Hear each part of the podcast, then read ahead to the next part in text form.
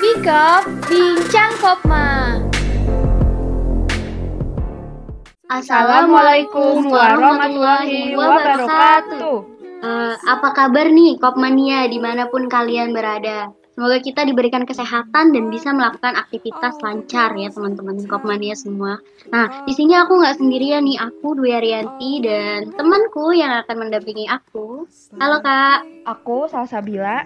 Nah, pada Bikop episode 3 kali ini kita akan berbincang-bincang nih mengenai mengatur waktu selama pandemi untuk mahasiswa. Nah, bintang tamu dalam podcast kita kali ini siapa nih Kak Dwi? Tentunya Kak Sabil, bintang tamu kita adalah orang-orang penting dalam keuangan koperasi mahasiswa Win Jakarta dong. Ada Kak Berliana Putri sebagai Kepala Bidang Keuangan. Kita sambut dulu kali ya bintang tamu kita yang kece banget. Lia. Halo Kak Lia. Hai Kak Sabil, Kak Dwi, hai semuanya. Oh iya Kak Lia. Perkenalan diri dulu yuk biar teman-teman yang sekarang lagi mendengarkan podcast kita bisa lebih kenal nih sama bintang tamu kita malam ini. Silakan Kak Lia. Oke, baik. Tak kenal maka tak sayang ya. Betul. Hai, perkenalkan aku Berliana Putri, mahasiswi semester 6 jurusan Perbankan Syariah. Aku di Kopma ini diamanahkan sebagai Kepala Bidang Keuangan. Salam kenal semuanya. Salam kenal Kalia. Wah, Kalia keren banget nih. Dia jurusannya keuangan, relate juga sama ke, eh, organisasinya dia. Jadi pengurus di Kopma yaitu Kota Bidang Keuangan. Kalia, gimana nih Kalia sekarang? Apanya nih? Nah, kabarnya Kabarnya Kalia Kalia. nih. Kabar pet, kabarnya hati, pokoknya kabarnya semuanya. Aduh, Alhamdulillah kabarnya baik. Dompet doang ya, nggak baik ya. Hati tapi aman kan ya kalian? Aduh, aman. Aman-aman banget kan udah ada yang punya. Oh yes ya. Kalau Sabil gimana? Apanya Kak kabarnya? Oh iya iya, kabarnya kabarnya. Alhamdulillah sejauh ini fisik sih sehat banget Kak, cuman mental nih Kak. Banyak pressure Kak, banyak tekanan kan. Oh iya. Kak Dwi sendiri gimana nih? Aku sedang tidak baik-baik saja karena ingin menghadapi UAS. Semangat buat teman-teman yang sebentar lagi UAS. Ingat setelah UAS kita ada libur dua bulan. Mantap, kita bisa liburan ke mana aja. Oke nih Kak Sabil, kan kalau Kak Lia nggak ditanya-tanya nih, gimana kalau kita langsung aja kita tanya Kak Lia nih. Boleh banget Kak Dwi, yuk kita langsung tanya aja. Langsung aja yuk kita ca- kita cari tahu nih menurut Kak Lia nih, menurut pandangan Kak Lia nih, kita kan mahasiswa ya, aku mau tanya. Sama pandemi ini kita juga tetap sibuk nih ngejalanin kuliah, ngerjain tugas-tugas yang bikin mumet, kerjain kerjaan rumah, kadang juga diomelin orang tua karena sering main handphone. Belum lagi ditambah kegiatan organisasi yang bejibun banyak banget gitu kan. Otomatis energi kita juga terkuras banyak. Kalau dari Kak Lia sendiri, ada tips nggak sih gitu biar kita tetap fit ngejalanin semua kegiatan kita di saat pandemi? Mungkin boleh di-sharing Kak Lia. Oke, ya mungkin ini versi aku. Apa ya, aku nggak ada olahraga khusus gitu sih. Paling jaga makan aja. Nggak makan berlebihan dan nggak telat makan. Karena biasanya tuh kalau kita udah ngerjain sesuatu, makan tuh jadi salah satu hal yang kita kesampingkan gitu ya. Kayak, ah nanti dulu ah, bentar lagi selesai, tanggung, dan lain sebagainya. Nah ini biasanya jadi malah nggak bagus untuk kesehatan kita. Mungkin kita bisa ngerjain tugas ini sampai selesai, tapi pasti habis itu ya jadi malah lemes dan nggak bisa ngerjain tugas lainnya karena telat makan tadi. Karena salah satu bentuk pertahanan diri dari COVID itu kan menjaga imun ya. Nah makanya mulai menjaga dari hal yang kecil seperti pola makan, gitu sih kalau aku. Iya nih, bener banget. Aku juga setuju sama pendapat kalian. Uh, jadi sama pandemik ini kan kita wajib banget nih menjaga kesehatan kita. Jadi tuh harus lebih ekstra lagi menjaga imun tubuh secara virus COVID-19 ini kan masih ada ya, bukan cuma sekedar konspirasi. Jadi siapa pun tuh bisa banget terpapar kalau tubuhnya nggak fit. Jadi buat teman-teman kopmania yang ada di rumah, kalau lagi ngerjain tugas jangan lupa makan ya teman-teman, jangan dikesampingin. Itu aja reminder dari aku. Bener banget, aku setuju banget nih sama Kak Sabil dan sama pendapat dari Kak Lia yang kita harus menjaga imun tubuh supaya kita tetap fit apalagi uh, kita sedang menghadapi pandemi yang bener-bener gak tahu sampai kapan gitu kan. Dan juga uh, untuk teman-teman nih apalagi perempuan yang susah makan atau yang mau diet gitu udahlah stop dulu diet dietnya lebih baik kita uh, menjaga tubuh kita supaya lebih baik lagi supaya sehat dan terhindar dari COVID-19 ini Iya benar Kak Dwi, aku setuju banget. Nah, tadi kan kita udah ngebahas tentang gimana sih caranya agar tubuh kita tetap fit sama pandemi. Oh iya, walaupun semuanya serba online dan hampir semua kegiatan kita dilakukan di rumah, tapi ini cukup membuat kita pusing juga nih. Pusing dalam mengatur waktu kita sih, kalau lebih tepatnya sama bingung membagi waktu untuk mengerjakan tugas, untuk berorganisasi, dan terlebih lagi untuk membantu orang tua di rumah. Susah atur waktu juga, itu ternyata bisa bikin kita stres juga loh, karena kita kan selalu dikejar-kejar ya sama deadline, entah itu deadline organisasi, deadline tugas. Jadi menurut pandangan kalian nih, sebagai Kepala Bidang Keuangannya Kopma Win Jakarta, pasti cukup sibuk dong. Ada nggak sih Kak cara-cara dari Kak Lia yang kakak Lia lakuin untuk mengatur waktu selama pandemi ini? Iya nih uh, Kak Sabil, aku juga penasaran loh karena kan memang aku sendiri ini uh, orang yang lumayan cukup uh, sibuk dan cukup banyak mengambil organisasi gitu.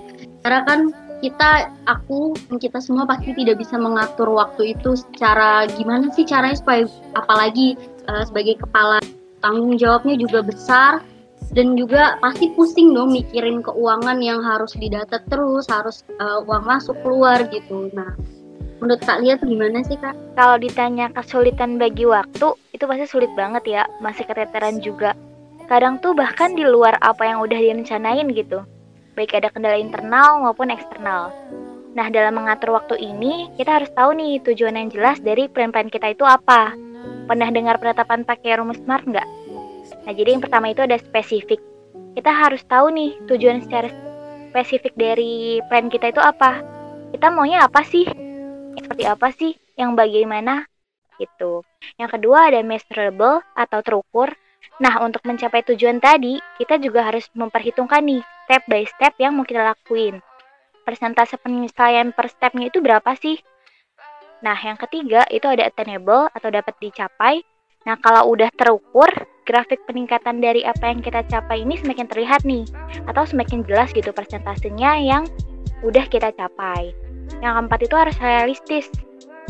Tapi kita e, dalam menentukan penentuan perhitungan untuk mencapai tujuan itu harus realistis. Jangan memperkirakan yang di luar kemampuan kita. Jadi harus disesuaikan dengan kemampuan kita. Kita harus tahu eh, kita harus tahu dulu nih kemampuan kita itu sampai di tahap seperti apa sih gitu. Dan yang terakhir itu ada time bond atau terikat waktu. Nah, yang terakhir ini kita harus netapin deadline. Kira-kira kapan sih selesainya dan harus komit akan waktu yang udah direncanain atau kita buat. Nah, kalau udah nyusun tujuan tadi, kita bisa lihat nih skala prioritas dari plan-plan kita. Biasanya dibuat berdasarkan urgensi atau kepentingannya. Pada saat merealisasikan plan sesuai dengan skala prioritas, itu bukan berarti kita harus fokus ke yang lagi kita kerjain nih. Kita juga harus punya perhitungan tersendiri untuk batas-batas penyelesaian per plan. Biar kita penyelesaiannya itu nggak hanya perfect di prioritas pertama aja, tapi juga di prioritas lainnya. Karena nggak jarang ketika udah ada di skala, eh udah nyelesain di skala prioritas pertama nih, udah kita perfectin, itu di skala prioritas pertama aja gitu. Yang lainnya kita abain. Nah, itu nggak baik. Nah, kalau tentang stres, Aku pun masih belajar banyak hal ya tentang stres ini, mengolah stres. Masih suka sering stres gitu. Terus tiba-tiba berasa capek banget. Tiba-tiba nangis kan ya, namanya juga cewek ya, numpainnya kena. Biasanya yang aku lakuin pas lagi di titik aku stres dan jenuh itu ya berhenti dulu aja, istirahat dulu, kasih ruang untuk diri sendiri, lakuin hal yang disuka, entah dengerin musik, makan, nonton, dan lain-lain gitu. Nah, pas ngasih waktu buat diri sendiri itu, kita harus ada perhitungannya juga. Nggak sebebas kita gitu aja. Karena kan kita punya plan-plan yang harus kita kerjakan tadi ya, yang udah kita list. Nah, jadi biasanya kayak ngomong ke diri sendiri. Oke, kita nonton dulu ya satu jam. Habis itu kita ngerjain lagi, gitu-gitu sih kalau aku. Nah, harus komit nih. Kalau habis me time, harus ngerjain plan-plan kita tadi. Nah, kalau semua plannya udah terrealisasi, jangan lupa apresiasi diri sendiri karena apresiasi diri sendiri itu menurut aku lebih ampuh dibandingkan diapresiasi oleh orang oleh orang lain. Nah, apresiasi dari orang lain itu bonus lah gitu, bukan yang utama. Contohnya tuh kayak hal kecil aja gitu, bilang di, ke diri sendiri, makasih ya udah hebat ngelakuin hal-hal yang berat ini, makasih kamu hebat dan lain sebagainya. Kalau emang ternyata hasilnya di luar ekspektasi atau dalam hal ini kurang perfect, itu wajar kok kita harus tetap apresiasi diri sendiri yang udah mau berusaha semaksimal mungkin walaupun hasilnya jauh dari kata perfect. Setidaknya udah mencoba, bersyukur, dan jangan lupa belajar dari kesalahan kita. Gitu kalau aku. Mantap banget nih jawaban dari Kalia. Aku juga setuju banget. BTW kita sama banget nih Kalia karena kan sama-sama perempuan ya. Maksudnya tuh uh, cara meluapkan stres atau emosinya itu lewat nangis ketika kita udah stres, ada tekanan dan banyak pikiran dari pihak mana pun. Jadi tuh rasanya kayak gimana ya pengen diluapin aja gitu. Jadinya ya nangis biasanya malam kalau mau tidur sama bantal ditemeninnya.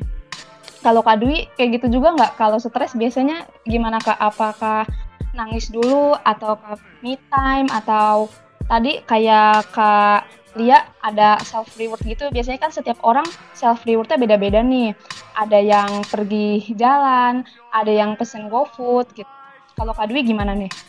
Iya kak, kalau misalnya aku kalau lagi menghadapi stres banget, aku yang pasti kita sama sama sama perempuan sama ya kak, kita tuh pasti nangis gitu kan. Apalagi aku tuh anaknya cengeng dan gak bisa uh, sedikit sedikit aja di apa ya, adalah sesuatu yang yang membuat aku merasa tuh tidak enak hati gitu. Dan aku pasti nangis gitu. Tapi kalau misalnya aku menjalankan ini semua gitu ya kadang tuh kalau misalnya lagi stres banget aku lebih baik menyendiri dan jalan-jalan sendiri gitu. Karena menurut aku jalan-jalan sendiri adalah waktu terbaik untuk mengenal diri sendiri gitu sih kalau aku.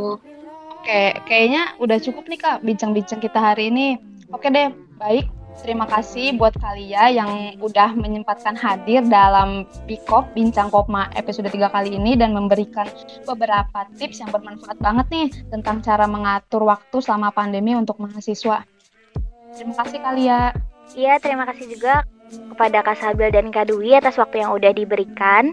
Terima kasih juga kepada teman-teman yang udah bersedia meluangkan waktu untuk dengerin podcast ini. Kalau mau nangis silahkan, luapkan aja. Tapi jangan lupa bangkit lagi dan jangan lupa bahagia. Semangat terus! Oke, terima kasih banyak kali ya. Senang banget kita bisa ngobrol-ngobrol tentang bagaimana sih menghadapi stres ketika pandemi, tentang bagaimana sih menjalankan organisasi yang baik. Senang banget. Gak pengen pengen gak sih Kak, Kak Sabil kita berakhir di sini? Enggak kan ya? Ini tuh masih pengen lanjut terus. Mungkin kita bisa kali ya lanjut nanti ke WhatsApp gitu ya kita ngobrol-ngobrol lagi tentang ini gitu. Betul betul banget. Harus tetap lanjut nih karena kan sama-sama perempuan ternyata yang kayak kita yang sama-sama suka nangis, yang suka ngasih self reward tuh nggak sendiri. Ternyata banyak. ada sih sama perempuan. Iya betul banget karena uh, tapi gini Kak Sabil karena perempuan itu bukan sekadar hanya mengeluarkan air mata dia juga harus memberi senyuman kepada setiap orang yang ada di sekeliling dia gitu Kak Sabil. Terima kasih juga buat teman-teman yang sudah mendengarkan podcast kita kali ini. Jangan lupa dengerin terus podcast kita selanjutnya. Dan kalau kalian suka jangan lupa share podcast ini ke teman-teman kalian. Sampai jumpa di podcast selanjutnya. See you. Wassalamualaikum warahmatullahi wabarakatuh. Bikop Bincang Kopma.